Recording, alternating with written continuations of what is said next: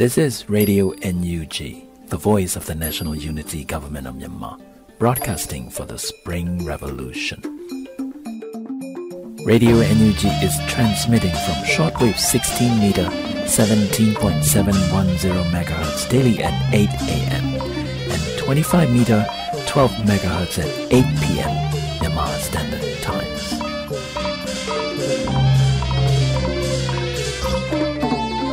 Mingla အမျိုးသားညီညွတ်ရေးအစိုးရရဲ့အသံလွှင့်ဌာန Radio NUG ကိုမနေ့၈နိုင်မှာလိုင်းဒိုမီတာ16မီတာ18.87 MHz ညဘက်မှာလိုင်းဒိုမီတာ25မီတာ17 MHz တို့မှာတိုက်ရိုက်ဖမ်းယူနားဆင်နိုင်ပါပြီမင်္ဂလာအပေါင်းနဲ့ပြည့်စုံကြပါစေခုချိန်ကစပြီး Radio NUG အစီ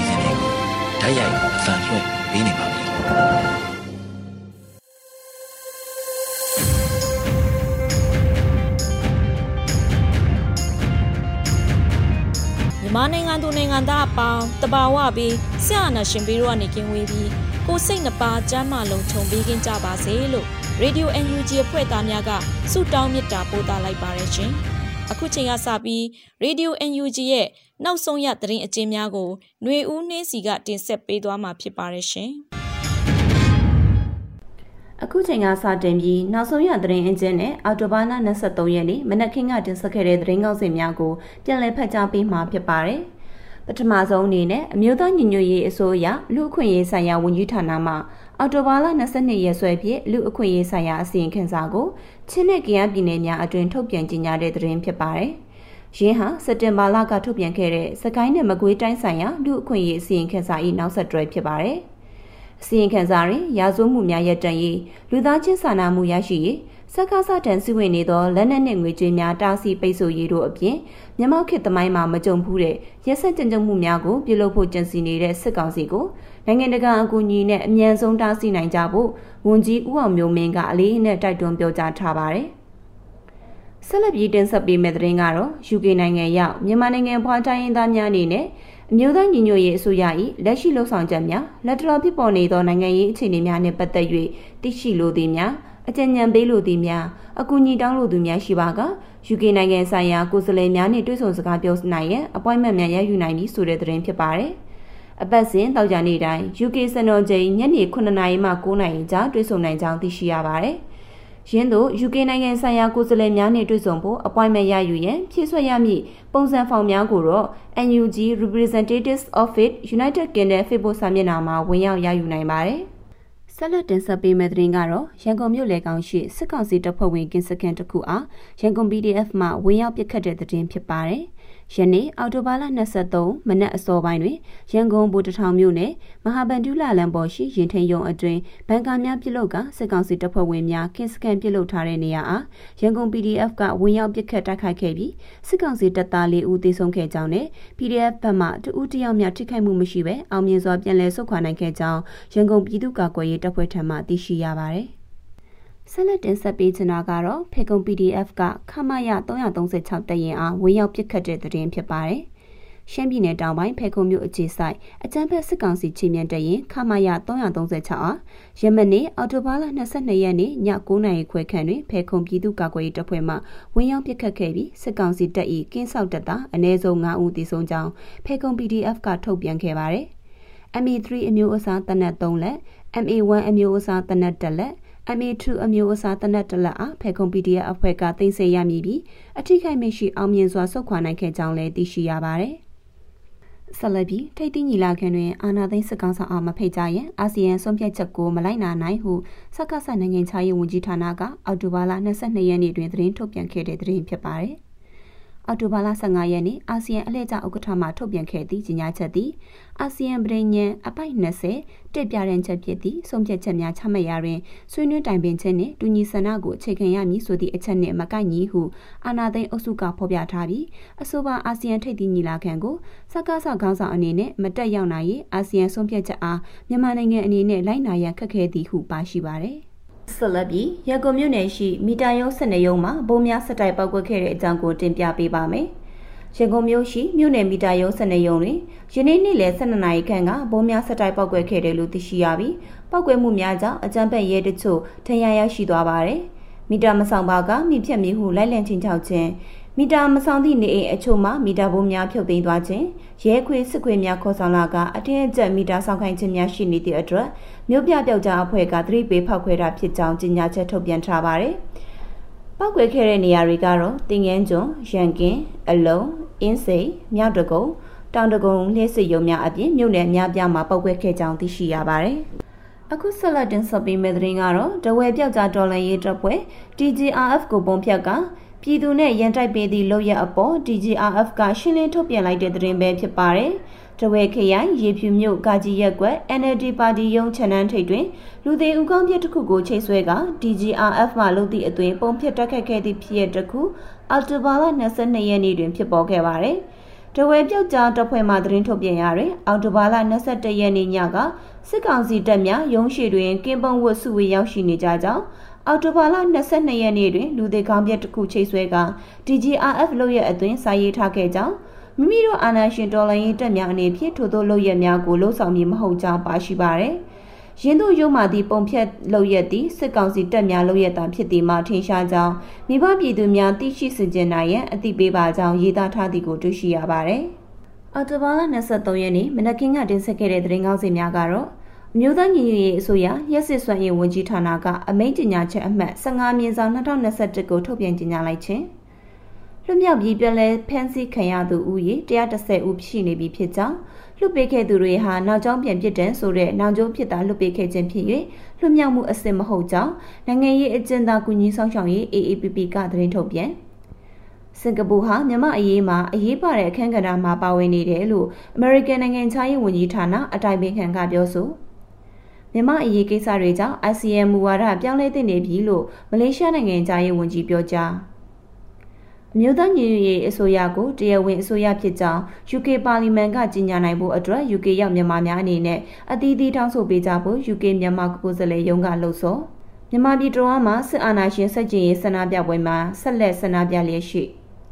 မြောက်ဖြားပိုင်းနောက်ပေါ်မြို့တွင် COVID-19 ပိုးကူးစက်မှုအလွန်များပြားလာ ထိုင်းနဲ့တရုတ်တင်ပို့မှုများရဲနဲ့ထားသည့်အတွက်ပြည်တွင်းပြောင်းစည်းပြန်ကြကြောက်မဲမှာ RCSS နဲ့တပ်ပေါင်းစုတိုက်ပွဲပြင်းထန်ဟုကွက်ရွာမှာလက်နက်ကြီးကြားရောက်ပောက်ကွဲပြီးကလေးငယ်ပါဝင်တအုပ်တန်ရာရစသည်တို့ဖြစ်ပါတယ်ကျမຫນွေဦးနှင်းစီပါဒီယို UNG မှဆက်လက်တန်လွှင့်နေပါတယ်ဆက်လက်ပြီးမြို့ဝင်းဦးရဲ့အစဉ်ပြေပါတယ်ဆိုတဲ့ကြပြကိုတင်ဆက်ပေးမှာဖြစ်ပါတယ်ရှင်မင်္ဂလာပါခင်ဗျာ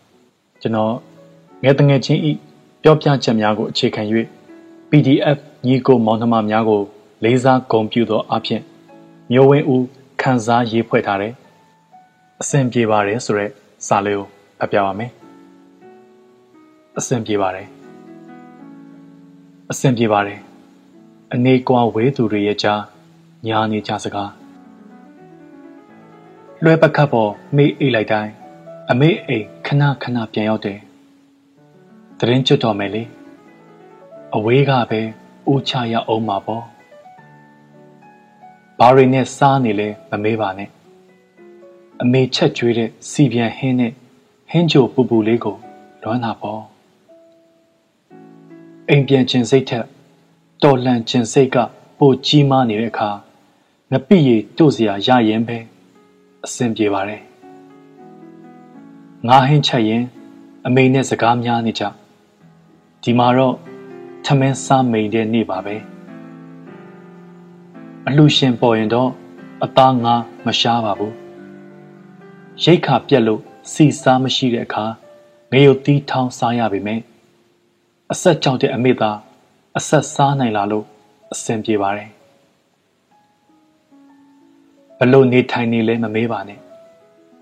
စင်တွေခြင်တွေပေါ်တဲ့တော့ညဘက်ဆိုစင်ရိုင်းအော်တန်ကြားတိုင်းလန့်လန့်နိုးနေပေမဲ့ကြည်မြင်လမြင်ခေါင်မိုးကိုကြည့်ရင်အမေအိမ်ကိုလွမ်းရလို့အဆင်ပြေပါတယ်တော်တယ်ဆိုပေမဲ့အပေါ်အလေးသွားတာဆင်ကျင်ရတယ်လူ60လောက်မှမှနှလုံးလောက်ရှိတဲ့အိမ်သားအလေးသွားရင်ကြာရတဲ့အမေသားကိစ္စမြန်မြန်ရှင်းတတ်လာလို့အဆင်ပြေပါတယ် စောင်းဝင်လာပြီလေအမေအိမ်ကမှု့ရခင်းနဲ့ခေါင်းဆောင်အထူကြီးတွေလွမ်းတာပေါ့စိန်ခံခြင်းစိတ်ထက်တော်လှန်ခြင်းစိတ်ကပိုကြီးမားနေတဲ့အခါဆွေတာတစ်ထည်နဲ့ခြုံဆောင်တစ်ထည်ရရင်ပဲအဆင်ပြေပါတယ်မနက်တိုင်းစားနေကြလက်ဖက်ရည်ပလာတာနံပြားပေါက်စီတွေလွမ်းတာပေါ့အစာပြေခြင်းစိတ်ထက် အာနာရှင်တော်လန့်ခြင်းစိတ်ကပိုကြီးမားနေတဲ့အခါအရေးကျဲကျဲကော်ဖီတစ်ခွက်တောက်ရရင်ပဲအဆင်ပြေပါတယ်စစ်ရေးလေ့ကျင့်ရင် plank ထောက်တဲ့အခါတရောင်စစ်တွေအယမ်းနှာခြင်းပေမဲ့စစ်ကြောရေးကမောင်နှမတွေကိုကိုချင်းစာမိတဲ့အခါအဆင်ပြေပါတယ်ပင်ပန်းတာတော့မပြောပါနဲ့တော့မခံချင်စိတ်ကြောင့်လက်ထဲကတနက်ကဖ က်ရွက်လိုပေါ်ပါလာတဲ့အထိအဆင်ပြေပါတယ်လေ့ကျင့်သားပြေဝလာတော့တနက်တန်ကြားရင်အဆင်သင့်ဖြစ်နေပြီအိမ်မက်ထဲထိစစ်တိုက်ရလောက်အောင်အဆင်ပြေပါတယ်ညနေခင်းတွေတောင်အောက်ကိုပြေးဆင်းပြီးစမ်းချောင်းမှာရေလူချိုးရတာကြောင်ပြေးပြီးရေကူးခံသွားရသလောက်မတတ်တာပေမဲ့ရှာကြံပျော်ရတဲ့ပျော်စရာမှုအဆင်ပြေပါတယ် လေ့ကျင့်ရေးပြီးလို့ရေချိုးခေါင်းလျှော်ကြတဲ့အခါစပင်မချောက်ရင်ဆောင်းတွင်းမှာအေးအေးပတ်မှာစိုးလို့တဲ့ယောက်ျားလေးတွေလိုစပင်တူတူညှက်လိုက်တဲ့အမေသမီးတွေအလှပကိုယ်တော်အလေးမထားတော်လန်ရေးနှောင့်နှေးမှာစိုးရိမ်တဲ့အခါမျက်ရည်ခိုးတုပ်ပြီးအဆင်ပြေပါတယ်တဲ့သူတို့ကိုပြန်ပြီးလေးစားအတူယူရတဲ့အထိအဆင်ပြေပါတယ် စေဝါတွေရှားတာတော့အမှန်ပါပဲတခါဖျားရင်ကြံတဲ့သူတွေပါ အလုတ်များရတာမို့အထူးဂရုစိုက်နေရတယ်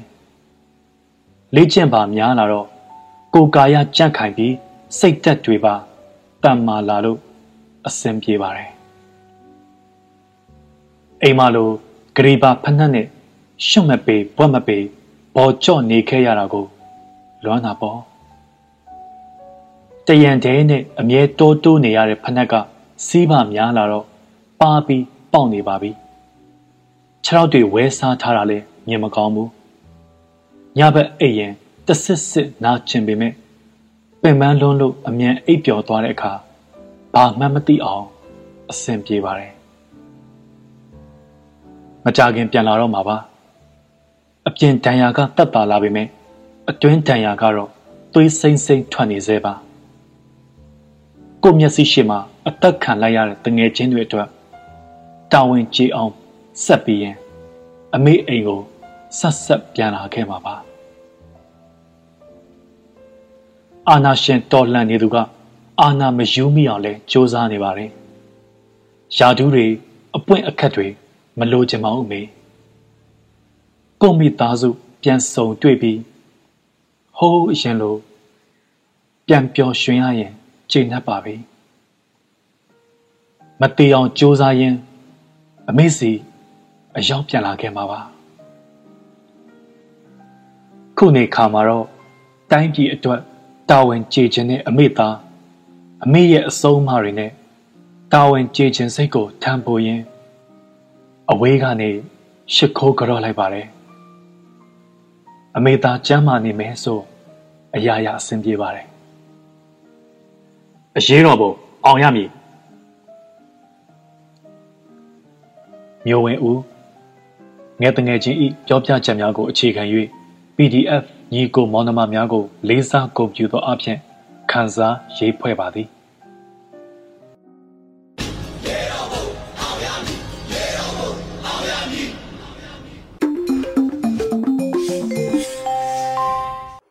ရေဒီယို NUG မှဆက်လက်တန်လွှင့်နေပါတယ်။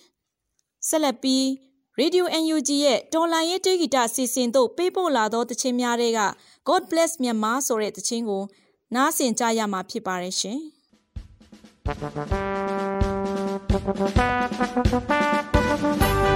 ။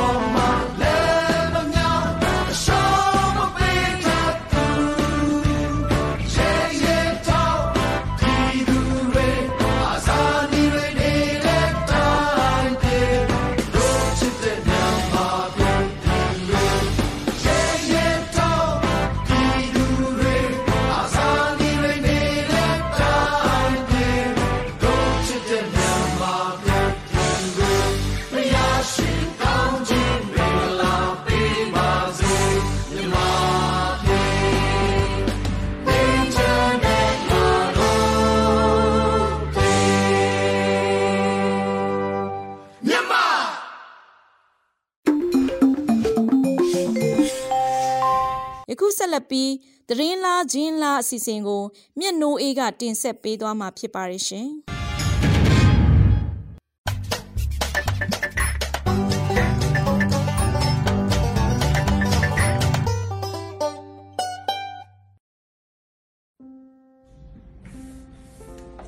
င်္ဂလာပါညီမကတော့မြန်တို့ရွေးပဲဖြစ်ပါတယ်အပတ်စဉ်တင်ဆက်ပေးနေကြဖြစ်တဲ့သတင်းလာချင်းလာအစီအစဉ်လေးပြန်လည်ကြည့်ဆိုလိုက်ပါတယ်ဒီတစ်ပတ်မှာလည်းအင်တာနက်ပေါ်ကပြန့်နှံ့နေတဲ့သတင်းမှားတွေကိုအချက်လက်စီစစ်ပြီးတော့သတင်းမှားဖြစ်ကြောင်းအားလုံးကိုအသိပေးသွားမှာပဲဖြစ်ပါတယ်ဒီတစ်ပတ်ပြောပြပေးသွားမယ်သတင်းမှားအကြောင်းအရာတွေကတော့ဖန်ဆီးခံထားရတာကနေပြန်လည်လွတ်မြောက်လာတဲ့အမျိုးသားဒီမိုကရေစီအဖွဲ့ချုပ် NLD ဗဟိုပြန်ကြားရေးကော်မတီအတွင်းရေးမှူးမုံရွာအောင်ရှင်နဲ့ပတ်သက်ပြီးသတင်းစာဖြစ်ပိုင်းပုံစံနဲ့သတင်းအတူဖြန့်နေတဲ့အကြောင်းအ ကြမ်းဖက်စစ်ကောင်စီကိုအာဆီယံခေါင်းဆောင်အစည်းအဝေးပွဲကိုတက်ရောက်ခွင့်မပြုတာကဒေါ်အောင်ဆန်းစုကြည်ခြံထဲကရွှေချောင်းတွေနဲ့ဥမင်ကိစ္စကြောင့် OIC ကအာဆီယံကိုဖိအားပေးတဲ့အတွက်ကြောင့်ဆိုပြီးဖြန့်နေတဲ့သတင်းမှအကြောင်းအရာနဲ့အာဆီယံအစည်းအဝေးကိုအကြမ်းဖက်စစ်ကောင်စီဥက္ကဋ္ဌမင်းအောင်လှိုင်ကိုတက်ရောက်ခွင့်ပေးဖို့အာဆီယံနိုင်ငံခြားရေးဝန်ကြီးတွေကဆုံးဖြတ်သဘောတူရဲဆိုပြီးဖြန့်နေတဲ့သတင်းမှအကြောင်းအရာတွေဖြစ်ပါတယ်။ အရင်ဆုံးပြပြပေးမယ့်တဲ့မှာတော့ဖန်ဆီးခံထားရတဲ့ပြန်လည်လွတ်မြောက်လာတဲ့အမျိုးသားဒီမိုကရေစီအဖွဲ့ချုပ် NLD ဗဟိုပြန်ကြားရေးကော်မတီအတွင်းရေးမှူးမုံရွာအောင်ရှင်နဲ့ပတ်သက်ပြီးသတင်းစာဖြတ်ပိုင်းပုံစံနဲ့သတင်းတူဖြန့်နေတဲ့အကြောင်းအရာပဲဖြစ်ပါတယ်။အဲ့ဒီသတင်းမှာကိုအကြမ်းဖက်စစ်ကောင်စီကိုအားပေးထောက်ခံနေတဲ့သူတွေကနေစတင်ဖြန့်ချီခဲ့တာဖြစ်ပြီးတော့ Telegram နဲ့ Facebook group တွေကနေတဆင့်ရည်ရွယ်ချက်ရှိရှိနဲ့ဖြန့်နေခဲ့တာပဲဖြစ်ပါတယ်။ အချက်လက်စစ်ဆေးချက်အရဒီလိုမျိုးသတင်းစာဖြတ်ပိုင်းပုံစံနဲ့သတင်းအမှားတွေကိုဒီအတော်အတွင်းမှာစက်တိုက်ဆိုသလိုဖြန့်ချီနေခဲ့တာဖြစ်ပြီးတော့အရင်အပတ်တွေတုန်းကလည်းဒီလိုပုံစံနဲ့သတင်းအမှားတွေကဂျင်းသတင်းဖြစ်ကြောင်းအားလုံးကိုပြပြခဲ့ပြီးပါပြီအခုဖြန့်နေတဲ့သတင်းမားတွေမှာပါတဲ့အကြောင်းအရာတွေကတော့အကြမ်းဖက်စစ်ကောင်စီကဖမ်းဆီးထားရကနေပြန်လည်လွတ်မြောက်လာတဲ့မုံရွာအောင်ရှင်က ပြင်ပရင်အေးချမ်းစွာနေလိုပြီးအကြမ်းဖက်မှုတွေကိုရှုတ်ချတယ်လို့ခေါင်းစဉ်တက်ထားပြီးတော့စစ်တပ်ကအာဏာသိမ်းတာမဟုတ်ပဲအာဏာထိန်းတာဖြစ်ကြောင်းအချိန်တန်ရင်ရွေးကောက်ပွဲပြန်လုပ်ပြီးအာဏာပြန်လွှဲပေးမှာဖြစ်ကြောင်းအချိန်တစ်ခုစောင့်ရမှာဖြစ်ကြောင်းအကြမ်းဖက်မှုတွေကိုမနှက်သက်ကြောင်းနဲ့အမကြီးဒေါ်အောင်ဆန်းစုကြည်လည်းမကြိုက်ဘူးဆိုတဲ့စာသားတွေနဲ့ဖြန့်ထားတာပဲဖြစ်ပါတယ်အချက်လက်စစ်ဆေးချက်အရဒီလိုမျိုးစကားတွေကိုမီဒီယာတွေနဲ့အင်တာဗျူးတွေမှာမုံရွာအောင်ရှင်ကပြောကြားခဲ့ခြင်းမရှိပါဘူး။ ဒါအပြင် Photoshop နဲ့အတူပြုလုပ်ထားတဲ့သတင်းစာဖြစ်ပိုင်းပုံစံမှာပါတဲ့ရဆွဲကလည်း September 19ရက်နေ့ရဆွဲဖြစ်နေပါတယ်။ပြီးတော့ဒီထဲမှာပါတဲ့စကားလုံးတွေကလည်းအကြံဖတ်စစ်အုပ်စုရဲ့အာဘော်တွေကိုမုံရွာအောင်ရှင်ကပြောတဲ့ရအတူပြုလုပ်ဝါဒဖြန့်ခဲ့တာပဲဖြစ်ပါတယ်။ဒါကြောင့်အင်တာနက်ပေါ်မှာပြန့်နှံ့နေတဲ့သတင်းစာဖြတ်ပိုင်းပုံစံနဲ့ပြန်လည်လွတ်မြောက်လာတဲ့မုံရွာအောင်ရှင်ကပြင်ပရအေးချမ်းစွာနေထိုင်လို့ပြီးအကြမ်းဖက်မှုတွေကိုရှုံချရဲဆိုတဲ့သတင်းကသတင်းမှဖြစ်ကြောင်းအားလုံးကိုအသိပေးချင်ပါတယ်။ ကောင်းကြီးရိုးစိတ်ထဲမှာတော့ပြန်နေတဲ့ငှက်တွေကိုလောင်အိမ်ထဲဖမ်းထည့်ပြီးတော့မှပြန်လွတ်ပေးလိုက်တဲ့အခါငှက်ခတ်သမားကိုကျေးဇူးတင်ရမယ်ဆိုတော့ကျွန်စိတ်ကျွန်သွေးပြပြတတတွေ့ပြီးတော့ဒီ Photoshop ကိုဖန်တီးလိုက်တဲ့ပုံပါပဲတည်င်းစာဖြတ်ပိုင်းလေးမှာစာလုံးလေးတွေပြောင်းရေးလိုက်တာကတော့ဒီဖက်ခေတ်နီးပညာလူငယ်တွေကညတရေတို့ခြေထောက်နဲ့ Photoshop ထားလို့တော့ရတဲ့အနေထားမို့ စိတ်လျှော့လိုက်ပါခေါင်းကြီးတို့လို့ပဲပြောပြရစီရှင်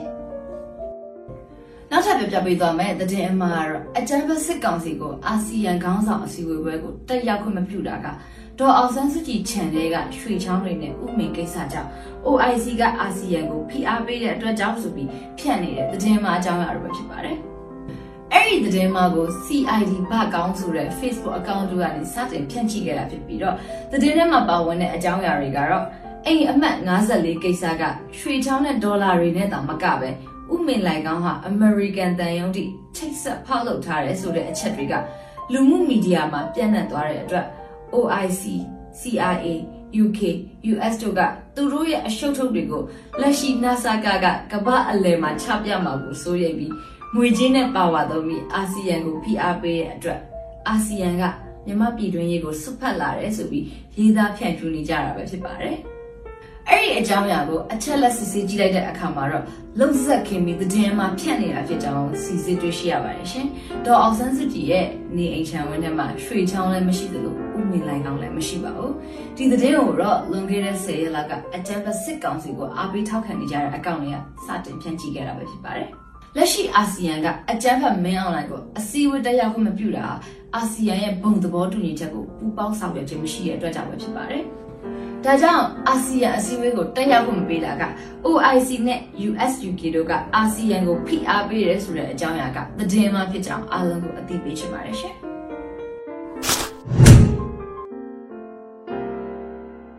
ကဲဒီတစ်ခုကလည်းခေါင်းကြီးတို့ရက်ွက်စိန်ကြီးတွေကနှစ်ထင်ပူပူလေးနဲ့အားရဝမ်းသာရေးသားနေကြတဲ့သတင်းပါပဲရှင်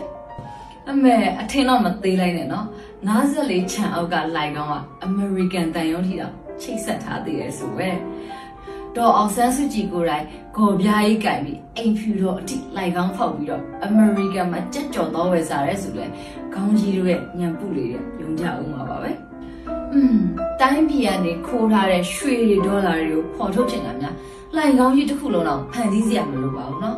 ပြည်သူငွေတွေရွှေတွေဒေါ်လာတွေခိုးရပါပစ္စည်းတွေကိုမြင်နိုင်မဲ့နေလေးတစ်ခုတော့ရှိပါတယ်။အင်ဂျီကွက်ကြားစင်တူလေးတွေဝတ်ပြီးရိုက်ထားတဲ့အဘာရမီသားစုပုံအင်တာနက်ပေါ်မှာမြင်ဖူးကြရမှာမဟုတ်လား။အဲ့ဒီပုံသာတိတိချာချာလေးအာရုံခံပြီးတော့ကြည့်လိုက်ပါနော်။ရွှေတွေဒေါ်လာတွေပြည်သူငွေတွေစစ်တီတွေလစာတွေကမတရားဖြတ်ထားတဲ့အာမခံငွေတွေတိုင်းပြည်ရဲ့တန်ရဇာတာတွေကိုမတရားရယူထားတဲ့ခိုးထုတ်ခိုးထည်တွေကိုသူတို့ရဲ့မျက်နာတွေအပြုံးတွေဝမ်းပိုက်စုစုကြီး တွေထဲမှာတရိပ်ရိပ်နဲ့ပေါ်လာပါလိမ့်မယ်ရှင်မျိုးနဲ့ရိုးနဲ့ခိုးလဲခိုးလဲစစ်ဘူချုပ်တွေဆိုတဲ့နှတ်ဒိုးတန်လေးနဲ့ပဲနောက်ထပ်သတင်းတစ်ပုဒ်ကိုဆက်ကြတာပါရှင်နောက်ဆုံးအနေနဲ့ပြပြပေးသွားမယ့်သတင်းမှာတော့အာဆီယံအစည်းအဝေးကိုအကြမ်းဖက်စစ်ကောင်စီဥက္ကဋ္ဌမင်းအောင်လှိုင်ကိုတက်ရောက်ခွင့်ပေးဖို့အာဆီယံနိုင်ငံခြားရေးဝန်ကြီးတွေကဆုံးဖြတ်သဘောတူရဲဆိုပြီးဖြတ်နေတဲ့သတင်းမှာအကြောင်းအရာတွေပဲဖြစ်ပါတယ်။ အဲ့ဒီသတင်းမှာတော့လေသတင်းစာဖြစ်ပိုင်းပုံစံနဲ့ပြုလုပ်ခဲ့တာဖြစ်ပြီးတော့အကြံဖတ်စစ်ကောင်စီကိုအားပေးထောက်ခံတဲ့အကောင့်တွေကပဲဖြန့်ဖြူးခဲ့တာဖြစ်ပါတယ်။အဲ့ဒီထဲမှာပါတဲ့အကြောင်းအရာတွေကတော့မြန်မာနိုင်ငံအကြံဖတ်စစ်ကောင်စီဥက္ကဋ္ဌမင်းအောင်လှိုင်ကိုအာဆီယံထိပ်သီးအစည်းအဝေးကိုတက်ရောက်ခွင့်ပေးဖို့အတွက်ထိုင်း၊ဗီယက်နမ်၊လာအို၊စင်ကာပူ၊ကမ်ဘောဒီးယားနိုင်ငံခြားရေးဝန်ကြီးတွေကထောက်ခံခဲ့တဲ့အတွက်လာမယ့်အောက်တိုဘာ26ကနေ28အထိကျင်းပမယ့်အာဆီယံထိပ်သီးအစည်းအဝေးကိုမင်းအောင်လှိုင်တက်ရောက်မှာဖြစ်တယ်လို့ အာဆီယံအကြီးတန်းအရာရှိက Straight Time သတင်းစာကိုပြောရဲဆိုပြီးရေးသားဖြန့်ဖြူးထားတာပဲဖြစ်ပါတယ်။အဲ့ဒီအကြောင်းအရာနဲ့ပတ်သက်ပြီးအချက်လက်စစ်ဆေးချက်အရနိုင်ငံတကာသတင်းတွေမှာဖော်ပြထားတာကတော့အာနာသိအကြံဖက်စစ်ကောင်ဆောင်မင်းအောင်လှိုင်ကိုအာဆီယံထိပ်သီးအစည်းအဝေးကိုတက်ရောက်ခွင့်မပြုပဲဖိတ်ကြားတော့မှမဟုတ်ဘူးလို့ပဲဖော်ပြထားတာတွေ့ရပါတယ်ရှင်။ ဒါကြောင့်အကြံဖက်စစ်ကောင်စီကိုအားပေးထောက်ခံတဲ့သူတွေဖြန့်နေကြတဲ့အာဆီယံအစည်းအဝေးကိုအကြံဖက်စစ်ကောင်ဆောင်မင်းအောင်လှိုင်ကိုတက်ရောက်ခွင့်ပေးဖို့အာဆီယံနိုင်ငံခြားရေးဝန်ကြီးတွေကသဘောတူရဲဆိုပြီးဖြန့်နေတဲ့တဲ့တင်ကတဲ့တင်အမှဖြစ်ကြောင်းအားလုံးကိုအသိပေးချင်ပါတယ်ရှင်။อืมတနာလဲတနာမိပါရဲ့အလူပွဲတက်ဖို့အတွက်ရွှေကန်းမျက်မှန်လေးတဝင်းဝင်းနဲ့ဟန်ရေးပြမိပါတယ်။ လူမတန့်ဘူးဟေးဖက်နှက်တွေတတိထားဆိုပြီးတော့မောင်းထုတ်ခံလိုက်ရတယ်ဘဝလိုပါပဲอืมပြောရင်းနဲ့တော့အပယ်ခံအဘအတွက်မျက်ရည်နဲ့ဆက်ကြမိပါတယ်ရှင်ကဲဒီတစ်ပတ်တဲ့သတင်းလာချင်းလာအစီအစဉ်တော့ဒီလောက်နဲ့ပဲရနာဖွင့်ပြပါမိဘပြည်သူအပေါင်းဘေးရန်ကင်းကွာပြီးကိုယ်စိတ်အေးချမ်းကြပါစေလို့မြန်တို့ကနေဆုမကောင်းတောင်းပေးလိုက်ပါတယ် ဆက်လက်ပြီးဓာရုလက်နက်ကိုကြိုတင်ကာကွယ်ပြင်ဆင်နိုင်ရန်နီလာမြအကြောင်းကိုຫນွေဦးဟန်နီကတင်ဆက်ပေးမှာဖြစ်ပါတယ်ရှင်။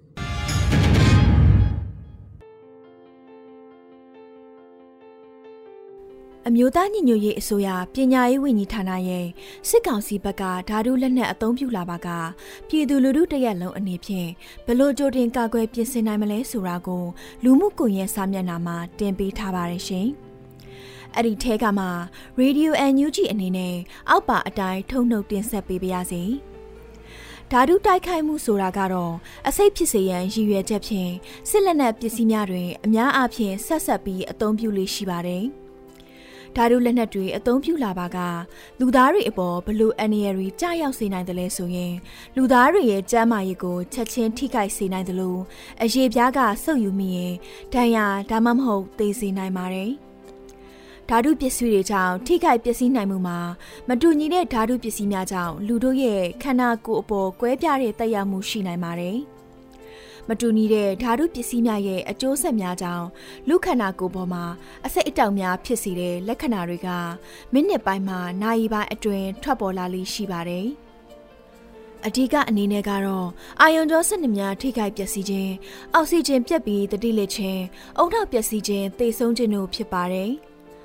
ထိတွေ့မှုတွေကြောင့်ဖြစ်နိုင်တဲ့လက္ခဏာတွေကတော့မျက်လုံးနဲ့အရေပြားရာရနာတွေအာယုံကြောစနစ်တွေပျက်စီးတာအသက်ရှူလမ်းကြောင်းနဲ့နောက်ဆက်တွဲခံစားရတာတွေကိုရင်းအောက်ဆီဂျင်ပြတ်လက်တာတွေအပါအဝင်စတဲ့လက္ခဏာတွေပဲဖြစ်ပါတယ်။ဒါတွေကိုကာကွယ်ဖို့အတွက်ကတော့လှုပ်ဆောင်ရမယ့်အခြေအနေနှမျိုးရှိပါတယ်။ ပထမတစ်မျိုးကတော့အစအုံအတွင်းဒါမှမဟုတ်ပိတ်မိနေတဲ့နေရာတွေမှာရောက်ရှိနေရင်ညဉ့်ညမ်းနေတဲ့နေရာမှာအမြန်ဆုံးထွက်ခါကအဝတ်အစားတွေကိုချက်ချင်းချွတ်ပြီးပလတ်စတစ်ဖြင့်အလုံးပိတ်ခါစွန့်ပစ်ရန်ထိတွေ့မိတဲ့နေရာများကိုစက်ပြာရည်အသုံးပြုပြီးရေများများဖြင့်ဆေးကြောခြင်းပြုလုပ်ရပါမယ်။ နောက်တစ်ချက်ကတော့အဆောက်အဦပြင်ပဒါမှမဟုတ်ဟင်းလင်းပြင်နေရာတွေမှာရောက်နေပါကအခုအငွေများနဲ့ဝေးရနေရဖြစ်စေအဆောက်အဦအတွင်းအမြန်ဆုံးသွားရောက်ရန်ဖြစ်ပါတယ်အဆောက်အုံအတွင်းမှာဆိုရင်တော့အပြင်ဘက်မှပြန်လည်ဝင်ရောက်နိုင်တဲ့အပေါက်များနဲ့လေအေးပိဆက်လေပူဆက်များကိုပိတ်ထားပေးဖို့လိုအပ်ပါတယ်။ နောက်ထပ်အကာအကွယ်ပြုလုပ်နိုင်တဲ့နီလန်းကတော့အိမ်သုံးဖြည့်ရှင်နည်းများဖြစ်တဲ့ဆိုဒါနဲ့ဘိုက်ကာဗိုနိတ်ရေများဟာဓာတုပစ္စည်းများဖယ်ရှားရမှာအလွန်အသုံးဝင်ပါတယ်။နောက်ဆုံးပြောချင်တာကတော့ဓာတုလက်နက်အသုံးပြုလာတာနဲ့ပတ်သက်ပြီးအန်ဒီရဲ့လွန်မြောက်ချိန်ကိုရောက်ပါကလှုပ်ဆောင်ရမယ့်နီလန်းတွေကိုလည်းအသိပေးထားပါတယ်။ ယခုကဲ့သို့ NUG အစိုးရသက်ဆိုင်ရာဝန်ကြီးဌာနများရဲ့အင်တာနက်လူမှုကွန်ရက်သတင်းစာမျက်နှာများကကြေညာချက်သတိပေးချက်များကို Radio NUG မှလည်းအချိန်နဲ့တပြေးညီထုတ်လွှင့်ပေးနေပါကြောင်းမိဘပြည်သူများကိုအသိပေးအပ်ပါတယ်ရှင်။ဒီကနေ့တော့ဒီညနဲ့ပဲ Radio NUG အစီအစဉ်လေးကိုကိတ္တရန်နာလိုက်ပါမယ်။မြမစံတော်ချိန်မနေ့၈နာရီညနေ၈နာရီတို့မှာပြန်လည်တွေ့ဆုံကြပါစို့။ Radio NUG ကိုမနက်၈နာရီမှာလိုင်းဒိုမီတာ16မီတာ19.87 MHz ညဘက်မှာလိုင်းဒိုမီတာ25မီတာ12 MHz တို့မှာတိုက်ရိုက်ဖမ်းယူနားဆင်နိုင်ပါပြီ။မြန်မာနိုင်ငံသူနိုင်ငံသားများကိုစိတ်နှပြချမ်းမာချမ်းသာလို့ဘေးကင်းလုံခြုံကြပါစေလို့ Radio NUG အဖွဲ့သူအဖွဲ့သားများဆုတောင်းပေးလိုက်ပါတယ်။ အမျိုးသားညီညွတ်ရေးအစိုးရရဲ့ဆက်သွယ်ရေးသတင်းအချက်အလက်နဲ့ဤပညာဝန်ကြီးဌာနကထုတ်လွှင့်နေတဲ့ Radio NUG ဖြစ်ပါတယ်။ San Francisco Bay Area ခြေဆိုင်မြန်မာမိသားစုများနဲ့နိုင်ငံတကာကစေတနာရှင်များလုံအားပေးများရဲ့ Radio NUG ဖြစ်ပါတယ်။အရေးတော်ပုံအောင်ရမည်